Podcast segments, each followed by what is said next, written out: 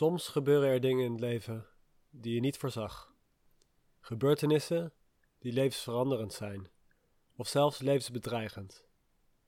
Stel, je bent een rups, rustig knabbelend op een blad, de zon op je huid. Ineens geldt er gevaar. Er overkomt jou iets wat je in je kokon dwingt.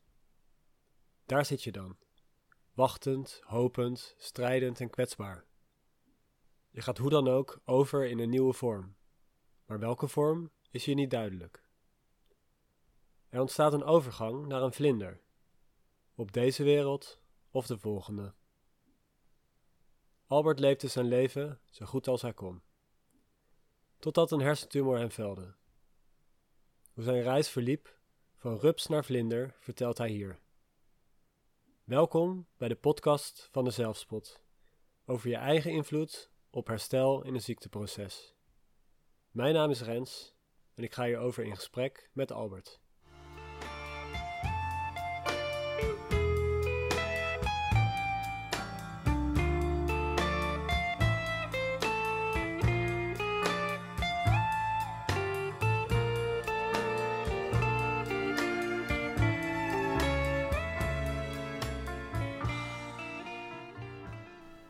Nou Albert, we zitten hier in jouw uh, woonkamer in Vlaardingen. Zeker. Waar je volgens mij uh, goed thuis voelt. Ja. Nou, ik wil eigenlijk beginnen om uh, dat jij jezelf even kan voorstellen. En, en, maar hoe zouden jouw vrienden jou eigenlijk omschrijven? Ja, rustig. Over het algemeen. Positief. En ja, ik denk dat de laatste tijd er ook wel bij is gekomen dat ik open-minded geworden ben voor dingen. Eerst was ik redelijk zwart-wit. Kon ik altijd wel denken. En ik denk dat het ook wel te maken heeft met mijn, ja, met mijn defensieervaring. Ik heb natuurlijk 13 jaar bij de landmacht gewerkt. Ja. En daar is alles gewoon heel simpel. Het is goed of het is niet goed. Ja. En daartussen zit eigenlijk niks. Nou, en zo heb ik eigenlijk altijd ook uh, heel lang geleefd. Ja, totdat ik ziek werd. En dan uh, is het toch in één keer een heel groot grijs gebied waar je Ja. naar gaat zoeken. En ja, dus daar ben ik wel uh, heel erg in veranderd. Ja, dus uh, jouw defensieleven is ook uh, jou als rups. Ja. Zou je jezelf zo omschrijven? Ja, zeker. Ja. ja, daar heb ik heel lang in gezeten. Kijk, en uiteindelijk uh, ja, dan komt de ziekte. En, en dan verandert alles. Ja. Maar dan ook echt alles. Ja. En wat vind jij mooie dingen in het leven? Waar geniet jij van? Nou, tegenwoordig van echt heel veel. Van, van Ja. echt bijna alles. Zelfs als het regent nu. Ja. Wat zijn kleine dingetjes vandaag uh, waar je van geniet? Yo, alleen het wakker worden. Dat, dat is al. Kijk, ik kreeg natuurlijk een diagnose. Ja, dan een hersentumor en dan een prognose van 8 tot 15 maanden te leven. Met maximaal 2 jaar. Ja. Ja, we zijn nu. eh, dat was in maart 2020, net toen corona begon. Nou, we zijn nu eh, een aantal jaar verder. Ja. ja. Het leven is niet vanzelfsprekend voor jou. Nee, Nee. en dat was het eigenlijk altijd wel. Hè, als mensen ook wel eens zeiden, we hebben een, eh, een zoon of een dochter gekregen Ja. en die is gezond. Ja, dat- ja, eh, bijna iedereen is gezond, zolang je gezond leeft. Ja, uiteindelijk eh, krijg je zelf de deksel op je neus. Ja, want hoe was dat moment voor jou? Dat jij hoorde, uh, of jij, jij ervaarde dat je ineens uh, ziek was? Het hele proces is heel raar, tenminste raar. Uh, ik werd pas wakker in het ziekenhuis. Want ik kreeg in één keer thuis, hier thuis, een, uh, een epileptische aanval. En die was zo heftig dat uh, toen de ambulancebroeders kwamen, die zeiden we gaan niet naar het gewone ziekenhuis. Maar we gaan gelijk door naar het Erasmus MC. En uiteindelijk, dat was op zondag. Zondag is het gebeurd. En ik ben toen donderdag daarna pas wakker geworden. Dus eigenlijk tussen de tijd dat ik omviel, en ik weet nog wel dat het zwart werd voor mijn ogen. Ja. En ik kreeg een soort, uh, ja, een soort disco-licht en een piep in mijn linkeroor. En ja, toen was het in één keer een paar dagen later, werd ik wakker in het ziekenhuis. Ja, was, dat was ook het eerste moment dat jij merkte dat er iets mis was. Ja. Was, was daar, waren vooral tekenen? jij Nou, uiteindelijk, uiteindelijk wel. Maar dat wil je niet herkennen. We waren de week daarvoor met uh, de school waar ik toen werkte, uh, op windsport. En toen was ik toevallig tegen het lopende buffet aangelopen, of tegen het puntje van het lopende buffet aangelopen. En, uh, maar ja, dan denk je, kan gebeuren. En ik ging met een vriend van mij, Peter, eh, ging ik skiën. En eh, toen ben ik dus de zijkant ingeskiet. Nou, dat gebeurde me eigenlijk nooit. Nee, nee ik, ik ken jou ook van het eh, skiën en het wintersporten. Je maakt zelf foutjes, dus... eh, Ja. Dus, dus toen dacht ik ook, nou ja, het zal wel, want ik was hem aan het zoeken, Peter. En eh, ik kon hem niet vinden waar hij toen stond. En uiteindelijk bleek dus, eh, ook na de operatie, dat ik een deel in mijn linker eh, zichtsveld mis. Nou, uiteindelijk komt het nu wel langzaam een heel klein beetje terug, dus daar ben ik wel heel blij om. Maar ja, toen was dat daar dus eens. En dat waren dus eigenlijk al wel voortekenen. En ik had Ja. al lang hoofdpijn. Maar ja, wat ik net zei, heel lang bij, bij de landmacht gezeten. En uiteindelijk overgestapt met onderwijs ja. bij het mbo. En eh, nou, ik had wel hoofdpijn en ik hoorde van wel meer. Van ja, eerste jaar is pittig. En eh, nou, Ja. dan ga je dingen opzoeken op internet waar ik precies last had. En dat was eigenlijk aan de achterkant, aan de onderkant van mijn schedel. En dan kom je vaak bij spanningshoofdpijn. Dus ik denk, nou, dat klopt wel. Zo'n Ja. soort een band daaromheen. Nou, uiteindelijk zat er dus een, eh, een tumor in mijn hoofd. Ja, want misschien hè, vanuit die landmachtinstelling is het ook misschien wel niet aanstellen, Ja, doorgaan. gewoon maar door. En, Ja. Het, het hoort er dus bij. Eerste jaar is lastig. eh, Je werd wakker dus in het ziekenhuis en eh, Ja. de prognose was, dat er, is een tumor in je hoofd. En, Ja, ze zeiden eerst er is weefsel in je hoofd gevonden. En dat is in transitie, maar dat wordt dan nu onderzocht in het laboratorium. Eh, en uiteindelijk, 31 maart, mocht ik naar huis. En toen kregen we dus, net voordat we weggingen, kregen we dat dus te horen. Van dat het een kwaadaardige tumor was en dat ze een, een groot deel hadden verwijderd. Dat wist ik in de week, of tenminste de dagen daarvoor al. Ze hadden een tennisbal eh, aan tumorweefsel weggehaald. Wauw. Dus, eh, en toen zat er dus nog 5 centimeter tumor. Zat er nog. Die konden ze niet weghalen op dat Nee. moment. Want ik was natuurlijk ook buiten bewustzijn en ze wisten niet. eh, eigenlijk moest eh, mijn vrouw, Fieke, ja, die moest al bijna afscheid nemen voordat ik de operatietafel inging. Want ze wisten überhaupt niet hoe het eruit kwam. Ja. Wat zouden ze raken? eh, Ben je jezelf nog? ja, Ja. Kan ik praten? Ben ik verlamd? Ja. Eh, ja, dat, ja, dat was voor haar een hele zware periode natuurlijk. Ja. die dagen en eigenlijk de dag daarvoor. En ik, ja, de chirurg zal het niet hardop zeggen, maar ze waren mij in één keer kwijt. En ze moesten toestemming krijgen om te opereren, omdat het toen de eerste week was van. eh, of nee, we hadden één week lockdown gehad en de tweede week lockdown za- zaten we in toen het gebeurde. Ja. Dus ze moesten toestemming hebben voor de operatie. Alleen ik zakte steeds verder weg qua bewustzijn. En eh, wij denken, maar dat zullen ze nooit hardop zeggen, dat ze gewoon begonnen zijn met de operatie. En uiteindelijk, eh, ja, na vier uur operatie, was ik er. eh, Wat was je eruit? ja, toen was ik eruit en uiteindelijk toen, eh, toen kwam ik eh, redelijk snel bij. Want ik ben op woensdag geopereerd en donderdag liep ik al een trap omhoog. En dan pakte je het gewoon weer op en eh, ging je door? Ook- hoe, hoe zag het er toen uit? Ja, ook daarvan. Nou ja, ze zeiden toen het, is een, eh, het weefsel is in transitie. Ja, toen dacht ik, nou ja, transitie, transitie. Hè, hoe erg kan dat nou zijn? En, want ik denk, ja, als het iets in transitie is, dan is het, nou ja, oké, het begin hebben we dan al gehad, maar het is in ieder geval niet het ergste. Ja, en dan krijg je in één keer te horen dat, eh, dat je een hersentumor graad 4 in je hoofd hebt zitten. En wat van- betekent dat? Eh, nou, je hebt vier gradaties. 1 en 2 zijn langzaam groeiend en 3 en 4 zijn snel groeiend. Ja. Uiteindelijk hebben ze wel daarna gekeken ja, hoe die dan ontwikkeld is. En waarschijnlijk zat hij er al heel lang. Vanuit een laaggradige is hij dan geëvalueerd in een hooggradige. Oké. Ja. Dus, Wat, eh, wat zeiden de dokters tegen je? Kon, konden ze je behandelen? ja, uiteindelijk kreeg ik eh, nou, twee weken rust na, na, na de operatie. En toen was het eigenlijk gelijk in, in een, ja, een soort sneltrein. Stap je in, je zit bijna elke dag in het ziekenhuis met de, bestralingsarts, eh, met de oncoloog. Eerst kreeg ik eh 33 bestralingen met eh, chemotherapie en daarna nog 12 losse kuren chemotherapie. Dus dat was in ieder geval eh, wat het uit het ziekenhuis voor is geschreven. Ja, want eh, jij wilde ook dat deze podcast ook ging over je eigen invloed op herstel. Ehm, dus je vertelt nu over hè, wat, wat de medische wereld heeft kunnen doen, Ja. de bestralingen, Ja. chemo. Was dat genoeg voor jou? Nee, want eh, je zit. Wat, wat ik vaak in het ziekenhuis zie, is dat mensen die zijn ziek. En dan moet de arts hun beter maken. Maar ik zei toen ook tegen, tegen Fieke, mijn vrouw. ik ben ziek geworden, dus ik moet ook beter kunnen worden. En de artsen gaan mij daarbij helpen.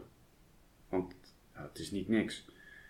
En uiteindelijk eh, heeft mijn vrouw wel heel veel uitgezocht qua eh, voeding vooral. En eh, ik ben gaan mediteren. Ik ben met oud-collega's van de landmacht, die hebben me meegenomen naar een andere oud-collega. Mhm. En die is dan instructeur bij Wim Hof. Dus toen hebben we ook die hele ademhalingssessies gedaan en het ijsbad. Want uiteindelijk grijp je alles aan. Ja. En tenminste, ik wilde alles aangrijpen. Dus ik ben ook gestopt met vlees eten, want dat was eigenlijk wel de marker 1 die we zagen van eh, dat is belastend voor je immuunsysteem. Dus daar zijn we eigenlijk bijna gelijk mee gestopt. En dat merkte ik ook met de chemo's. Toen, toen ik aan de chemo zat, dan was ik. eh, ik begon altijd op een woensdag en dan was ik zondag klaar. En toen ik nog normaal at, in hetzelfde patroon dat ik daarvoor deed, dan was ik er weer, op vrijdag was ik er weer een beetje. En toen stopte we met vlees eten. Ah, eerst was het dan nog, vrijdag was ik er weer, maar ik moest ook vaak overgeven. Misselijk, de hele tijd. Ja. Eh, nou ja, moe. Eigenlijk bleef je alleen maar tussen bed, bank en de wc. Ja, en, en ja, zo'n echtgenoot, vader, wil je niet zijn. Hmm. En, eh, dus toen stopte het met vlees eten. En toen was ik er alweer een dag of, nou, ik denk anderhalve dag eerder was ik alweer wat fitter. En ik dacht, nou, als dit al zo'n verschil maakt, Ja, je merkt het gelijk. gelijk, ik was minder misselijk. Ik hoefde niet meer over te geven. En toen eh, zijn we helemaal gestopt met alle zuivel en eigenlijk alle dierlijke eh, producten. Ja. Ja, en toen was ik eigenlijk dinsdag was ik er alweer. Dus maandag zat ik aan, of eh, zondag zat ik aan mijn top van mijn chemo. Nou, dan maandag dan ben je nog niet zo heel veel waard. Mhm. En dinsdag toen herstelde het lichaam alweer redelijk snel. En je vertelt ook over de, de aanhalingstechniek Ja. in Hof. Wat, wat doet dat met je? Ja, het gaf mij eens ook een mentale rust. En ook het, eh, zowel het koud, koude bad. En nu doen we dan vaak koud douchen of Mhm. afdouchen. Eh, maar dat het best wel goed is voor je immuunsysteem. Dus ik dacht, ja, kijk, als ik ziek ben geworden, heeft mijn immuunsysteem ergens mee gefaald. Hoe groot ik dat immuunsysteem kan, één kan ontlasten met voeding en stress. Nou, daar zag ik dus eigenlijk het stukje mediteren en de ademhalingsoefening in. eh, voor de rust te krijgen. Ja. En dan ook nog eens een keertje dat je merkt dat koude een, een boost kan geven aan je immuunsysteem. Ik zeg het, alles wat je aan kan pakken, Ja. wil je aanpakken. Ja. Je wilde echt beter worden. Ja, ja, mijn dochter was toen net twee, Ja. toen het gebeurde. Grote motivatie voor je. Grote motivatie, ik had mijn vrouw daarvoor ten huwelijk gevraagd. Dus ja, dan, Ja. eh, Dat moest doorgaan. dat sowieso. Ja. En hoe was het voor hun? Jouw eh, ziekteproces? Ja, intens. Kijk, je bent in één keer van een, eh, van een vader, van een echtgenoot, ben je patiënt in één keer. Je kan niet naar werk, ging niet meer. Ik had toen in het begin best wel heel erg prikkelbaar, was ik in het begin. Ja. En ja, en als je dan een dochter van twee hebt, ja, die vol energie zit, ja, dan kan je daar de vader niet voor zijn die je wil zijn. Je merkt dat je de echtgenoot niet kan zijn die je wil zijn. Ja, en dat doet ook wel wat met je. Hmm. Dat, dat Ja. doet best wel veel met je. En wat waren voor jou de moeilijkste momenten? In de strijd, ja, ik noem het nu- nu strijd, ik twijfelde daaraan of dat het goede woord is. Want, want ervaar, ervaar je dat zo als een Ja, strijd? ja, ik vind strijd vind ik wel eens lastig. Ja, Omdat het natuurlijk een ongrijpbare vijand is. ja. Je hebt ook niet, eh, wat je zegt, hè, je hebt invloed op je herstelproces, maar Ja. dwalen we misschien een beetje af. Maar ik, ik vind dat soms wat moeilijk. Uh, omdat mijn moeder is bijvoorbeeld overleden aan hersentumor. Weet. Dus zij heeft er wel, eh, ja, zij heeft echt gestreden. Ja. Zij wilde echt niet dood. Ja. Ja, ze, ze heeft er volgens mij intern alles aan gedaan om, om dat te voorkomen. Ja. Dus voor hoeverre eh, is het een strijd? Of eh, is het ook heel veel geluk? Ja, zeker. Ja. Maar daarom vind ik strijd ook een moeilijk woord. Want Ja. ja. ik zou nooit heeft de strijd verloren. Dat, dat, Nee. dat, dat, nee, dat, zo, zo zie ik het ook niet. Het is, kijk, nu gaat het heel goed. En daar ben ik heel blij om dat het heel goed gaat. Ja. Alleen, ja, de, kans dat het terugkomt is aanwezig. Alleen wanneer, weten we niet. Nee. En eigenlijk elke dag die ik langer leef is een dag dichter bij de oplossing. Ja. Zo sta ik er eigenlijk in. En En daarom willen we zelf zoveel mogelijk doen aan het zo gezond mogelijk leven. Om de kans te vergroten ook. Dat, Ja, zeker. het- Dat, het weg zou gaan. Ja. En wat waren die moeilijke momen- momenten voor jou? Eh, nou, ik weet nog wel dat ik een keer een epileptische aanval kreeg. En, en dat is dan wel, dat was de eerste bewuste epileptische aanval. Ja, dan gaat er van alles door je heen. Ik, ik, ik zat hier op de bank, uiteindelijk lag ik. En dan denk je, ik wil nog niet dood. Eh, ik wilde nog zijn voor mijn dochter, ik wilde zijn voor mijn vrouw. En, en dat zijn wel eh, hele confronterende momenten. Dat je geen controle meer hebt over je eigen lichaam. Dus ja, dat zijn wel hele moeilijke momenten. En ik moet zeggen, nu met de medicatie gaat dat hartstikke goed. Je hebt medicatie tegen epileptische... Tegen epilepsie, ja. ja.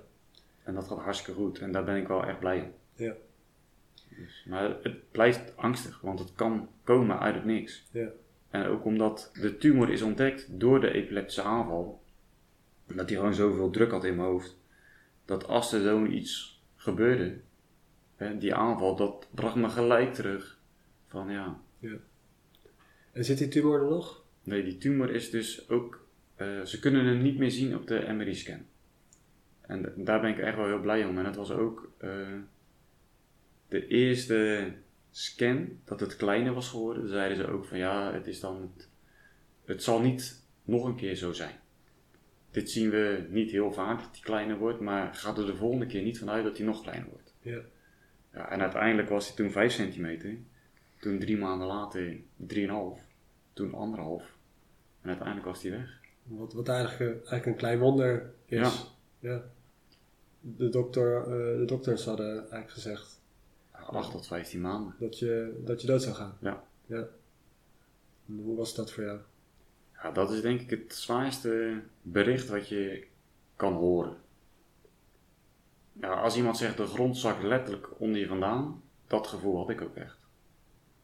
En dan was het eigenlijk, ja, je kan eh, je spullen pakken en je mag naar huis.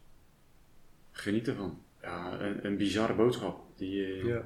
Want is dat dan echt genieten? Nee, want je bent boos. Ja, verdrietig is nog niet eens, eh, om, omvat het nog niet eens. Ik, ik heb dagen gehuild. Waarom?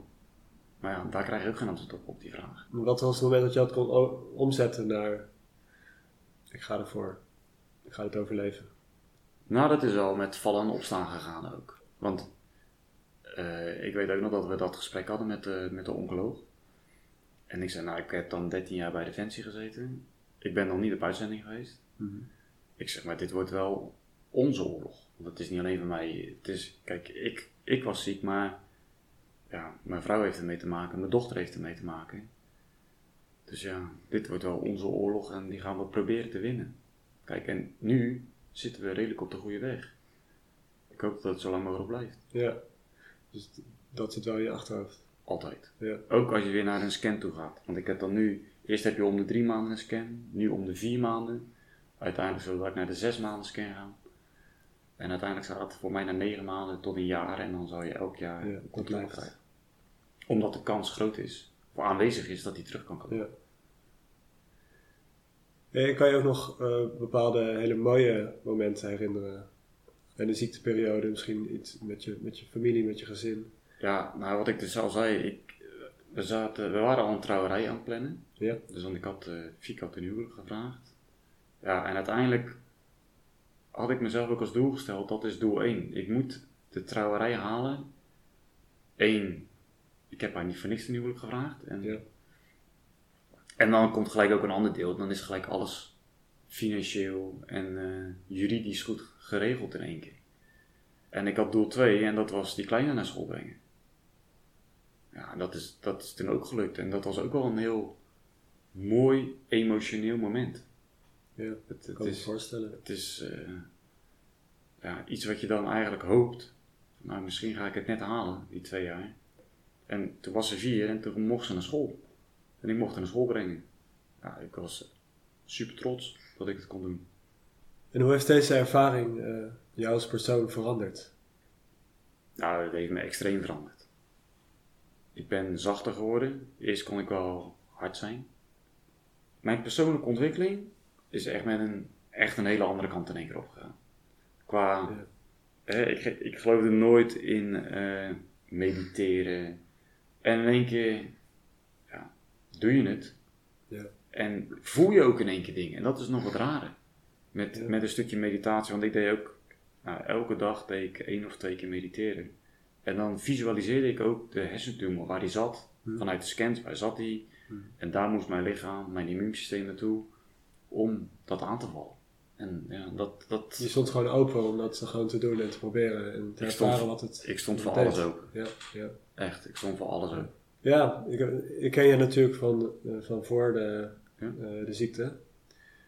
Eh, en ik moet ook zeggen, toen ik je laatst, een paar maanden geleden dan weer sprak, dan zag ik ook een hele andere Albert, had ik ook een heel ander gesprek met jou dan, dan voorheen, denk ik. Eh, veel kwetsbaarder, veel meer open en Ja, Ja. eerst had ik een soort schild om me heen. Je bent niet kwetsbaar. En, Hm. en nu durf ik daar in één keer over te praten. Wat ik daarvoor nooit deed. En misschien hield ik wel alles binnen. Ik weet het niet wat, wat ik daarvoor deed. Of, was je al gevoelig, die kwetsbare Albert, zat, zat hij er al? ja, die zat er zeker wel. Ja. Alleen die wil dat niet tonen. Op een, een of andere manier.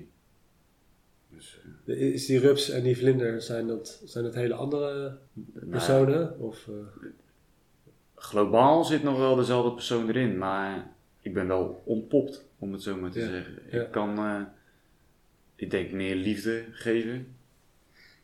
Wat je net zei, ik heb hele andere gesprekken met mensen. Ik ben veel ruimdenkender geworden over dingen. mooi, eigenlijk heeft je dat wel Het Dus de heeft, ziekte heeft je wel iets gebracht het heeft me zeker veel gebracht. Ja. Kijk, het, het ziekteproces is niet leuk. Maar uiteindelijk heeft het me wel veel gebracht. Ik weet in één keer veel meer over voeding, over het menselijk lichaam. Ik weet überhaupt de relatie tussen mij en mijn vrouw, die was al goed, anders ga je het niet ten huwelijk vragen. Maar die is denk ik alleen maar sterker geworden door dit hele proces. Ja. Kijk, zij heeft vijf dagen aan mijn bed gezeten, terwijl ik geen, gewoon buiten bewustzijn was, geen reactie gaf. Ja. Dus ja, dat, dat doet mij nog steeds heel veel. Ja, dat begrijp ik. Speelt eh, zelfspot voor jou ook een rol eh, in je leven? Jazeker. Kijk, nu, eh, kijk, ze hebben natuurlijk een tennisbal weggehaald. Dus, dus als ik dan iets vergeten ben, dan zeg ik ja, dan, daar had daar wel gezeten. Dat hebben ze er niet uitgesneden. Ja. Ik weet het even niet meer. Of, Ja, nice. kijk, het is al een heel zwaar onderwerp. En als ik daar heel zwaar over ga doen, dan wordt het er niet makkelijker op. Ja, Kijk, en ook, hoe leg je het überhaupt uit naar een kind van twee op dat moment? ja, begrijp ik. Ja. Ja. Hoe heb je dat gedaan? Eh, nou, we hebben gewoon verteld dat er slechte celletjes in mijn hoofd zaten. En dat ik daarvoor heel ziek ben geworden. En dat dus nu de doktoren en wij er alles aan doen om die slechte celletjes zo eh, veel mogelijk terug te dringen. En ook daarmee, hè, wat ik zei met het mediteren, het is, ik weet zeker, en dat als iemand zegt, dat moet je niet doen, nou, dan ging ik het bijna juist doen. Als iets moet, dan, dan ging ik vol er tegenin. En dus ik dacht ook, die tumor is ook onderdeel van mij. Ik had hem een soort omarmd, maar hij moest wel rustig weggaan. Ja. Het hoefde niet binnen een week of een maand, maar hij moest er wel uit. Maar niet, Dus het was geen krampachtig eh wegduwen Nee. ervan. nee, dus het was wel, ja, je leert je lichaam heel anders kennen. Ja. De kwetsbaarheid van mijn lichaam, want die had ik eigenlijk nooit Ja. gekend. Want eigenlijk alles ging goed. Als ik ging hardlopen, kon ik gewoon hardlopen. Nou ja, het skiën ging allemaal makkelijk. Alle opleidingen binnen Defensie gingen makkelijk. Dus ja, Ja. ik had nog nooit echt een Ja. grote Het was nieuw tegenslag. voor jou. Dit was zeker nieuw. En dan ook nog eens een keer de epilepsie erbij. Ja. En dat, dat moest je af en toe wat luchtiger maken dan Ja, dat het was? Ja, want- want anders ga je helemaal in een negatieve spiraal. En ik wilde niet negatief zijn, want ze zeiden ja, je hebt 0,3% kans ja, dat het de goede kant op gaat. Ja. Ja, dan hoor je heel veel mensen, ja, maar ja 0,3 is niet zoveel. Ja, toen zei ik ook wel, maar ja, koop je ook een staatslot? Ja, dan hoor je heel veel mensen, ja. Ik zeg, maar die kans is nog kleiner dat je de staatsloterij, staatsloterij wint. Je doet het toch? Dan dat je, kijk, en ik heb niks te verliezen. Als ik niks doe, dan gaan we gewoon zo lopen naar het einde toe en dan, eh, dan Ja. is dat het. Ja. En vanuit daar hebben we juist alles aangepakt. En heb ik een hele nieuwe versie van mezelf gezien, ontwikkeld. Dus ja, ik hoop dat ik, eh, dat mijn vrouw dat kan beamen, dat ik wel eh, positief ook veranderd ben. Dat, dat doet ze vast. Ja. ik, ja. Hoe kijk je aan tegen jouw toekomst en je toekomstdromen? Zijn die er? Nou, En die zijn wel die? kleiner geworden. Oké. Ja. Kijk, ik, je leeft eigenlijk in het nu. En dat is denk ik ook, hè, wat je in het begin vroeg, wat maakt het mooi? Ja, het nu. Ja. En eerst was ik ook bezig, oh dan wil ik nog dat doen en dan kan ik uiteindelijk daar naartoe. En dan, eh, hè, of eh, ik woon nu in dit huis, dan als ik dan na een paar jaar kan ik misschien, eh, kunnen we daar naartoe. Of ik heb deze auto en dan wordt het eigenlijk dan zoiets. Nee, dat heb ik nou allemaal niet meer. Materialistisch Ja. ook niet meer. Was ik misschien daarvoor wel iets meer. Nu eh, interesseert het me echt niet. Ja. Dus eh, je geniet van de, de vrienden, familie, mijn gezin. En vooral in het nu. ja. Mooi. En tot slot, wat zou jij anderen willen meegeven die misschien ook eh, ziek zijn? Maar ik denk ook voor, voor mensen die door jouw verhaal ook anders naar het leven gaan kijken. Wat, wat zou je tegen mensen willen zeggen? Ja, het is heel cliché, maar ge- geniet. Want het leven is al zo kort. En dat merk je pas als je ziek bent. En voor de rest, als je ziek wordt, probeer zo gezond mogelijk te leven. En zoek ook wat voor jezelf. Hè, wat voor mij werkt, hoeft voor een ander ook niet te werken. Hè. Dus het is ook geen heilige graal. En dat wil ik vooral Ja. Ook meegeven. Dat, kijk, we hadden het net al even over een stukje geluk. Het is ook geluk dat het allemaal aanslaat. En de dingen die we gedaan hebben, of doen nog steeds, dat dat werkt. Ja, de ene die zegt juist eh, een, een, een ketogeen dieet, waar dus veel verzadigde vetten in zitten, waar dus jouw lichaam in een soort ketose gaat, waardoor het geen suikers meer gebruikt. Want een tumor wordt eigenlijk het algemeen gevoed door suikers. Ja, ik heb juist helemaal de andere kant gedaan. Want ik heb juist geen vlees, omdat daar heel veel antibiotica Ja, en ja. andere dingen allemaal in zitten, wat ik dus niet wilde. En eigenlijk zo naar de basis terug, wat aten wij vroeger als mens? En, eh, wat ik Ja. al zei, eh, je leert veel over je lichaam in één keer. Ja. En, en ik voel me er over het algemeen heel goed bij. Mooi verhaal man. Ja, En eh, thanks dat je dat wilde delen met mij en ook met de mensen die het gaan luisteren. graag gedaan. En eh, ja, geniet van alles wat het leven je biedt. Zeker, Ja, dat doen we zeker. ik, eh, ik zie je snel weer. Is goed. Tot snel. Thanks. De overgang van rups naar vlinder vindt plaats in allerlei vormen en kleuren. Deze reis is voor iedereen anders. Het verhaal van Albert geeft dit prachtig weer.